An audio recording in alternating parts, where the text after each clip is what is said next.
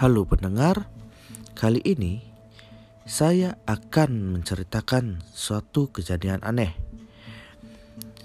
Menceritakan sebuah kejadian yang berawal dari seorang pengguna TikTok yang menceritakan keanehan yang dialaminya kala bermain manekin bersama salah seorang temannya.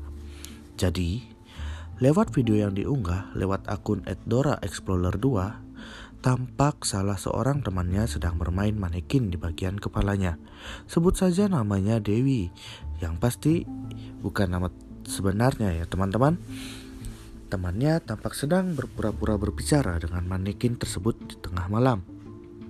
Sementara itu, si pembuat video menyebutnya Kuyang, sebutan dari sosok urban legend di salah satu kawasan di Indonesia. Usai bermain, Temannya lalu menaruh kepala manekin tersebut di luar pintu kamar mereka. Tapi dari situlah keanehan terjadi.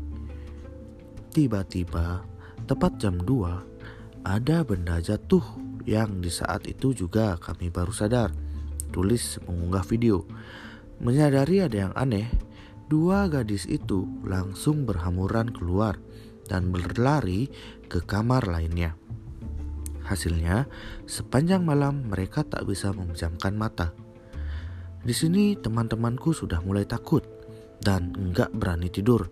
Agak aneh sih, tulis si pengunggah video lagi. Panik dan takut bercampur jadi satu. Dua gadis itu akhirnya memutuskan kembali ke tempat mereka bermain dan meminta maaf. Saking paniknya, Ponsel salah seorang temannya jatuh dan pecah di ujung sisinya. Unggahan itu kontan ramai dibanjiri komentar warganet.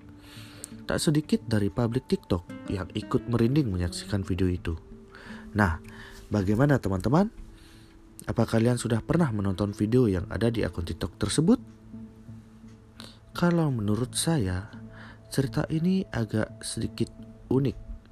Tapi agak horor juga ya nggak sih? Oke, sekian cerita kali ini. Jika kalian ingin selalu update episode-episode selanjutnya, kalian bisa follow akun Spotify saya dan follow juga saya di IG di @agendipa. Terima kasih.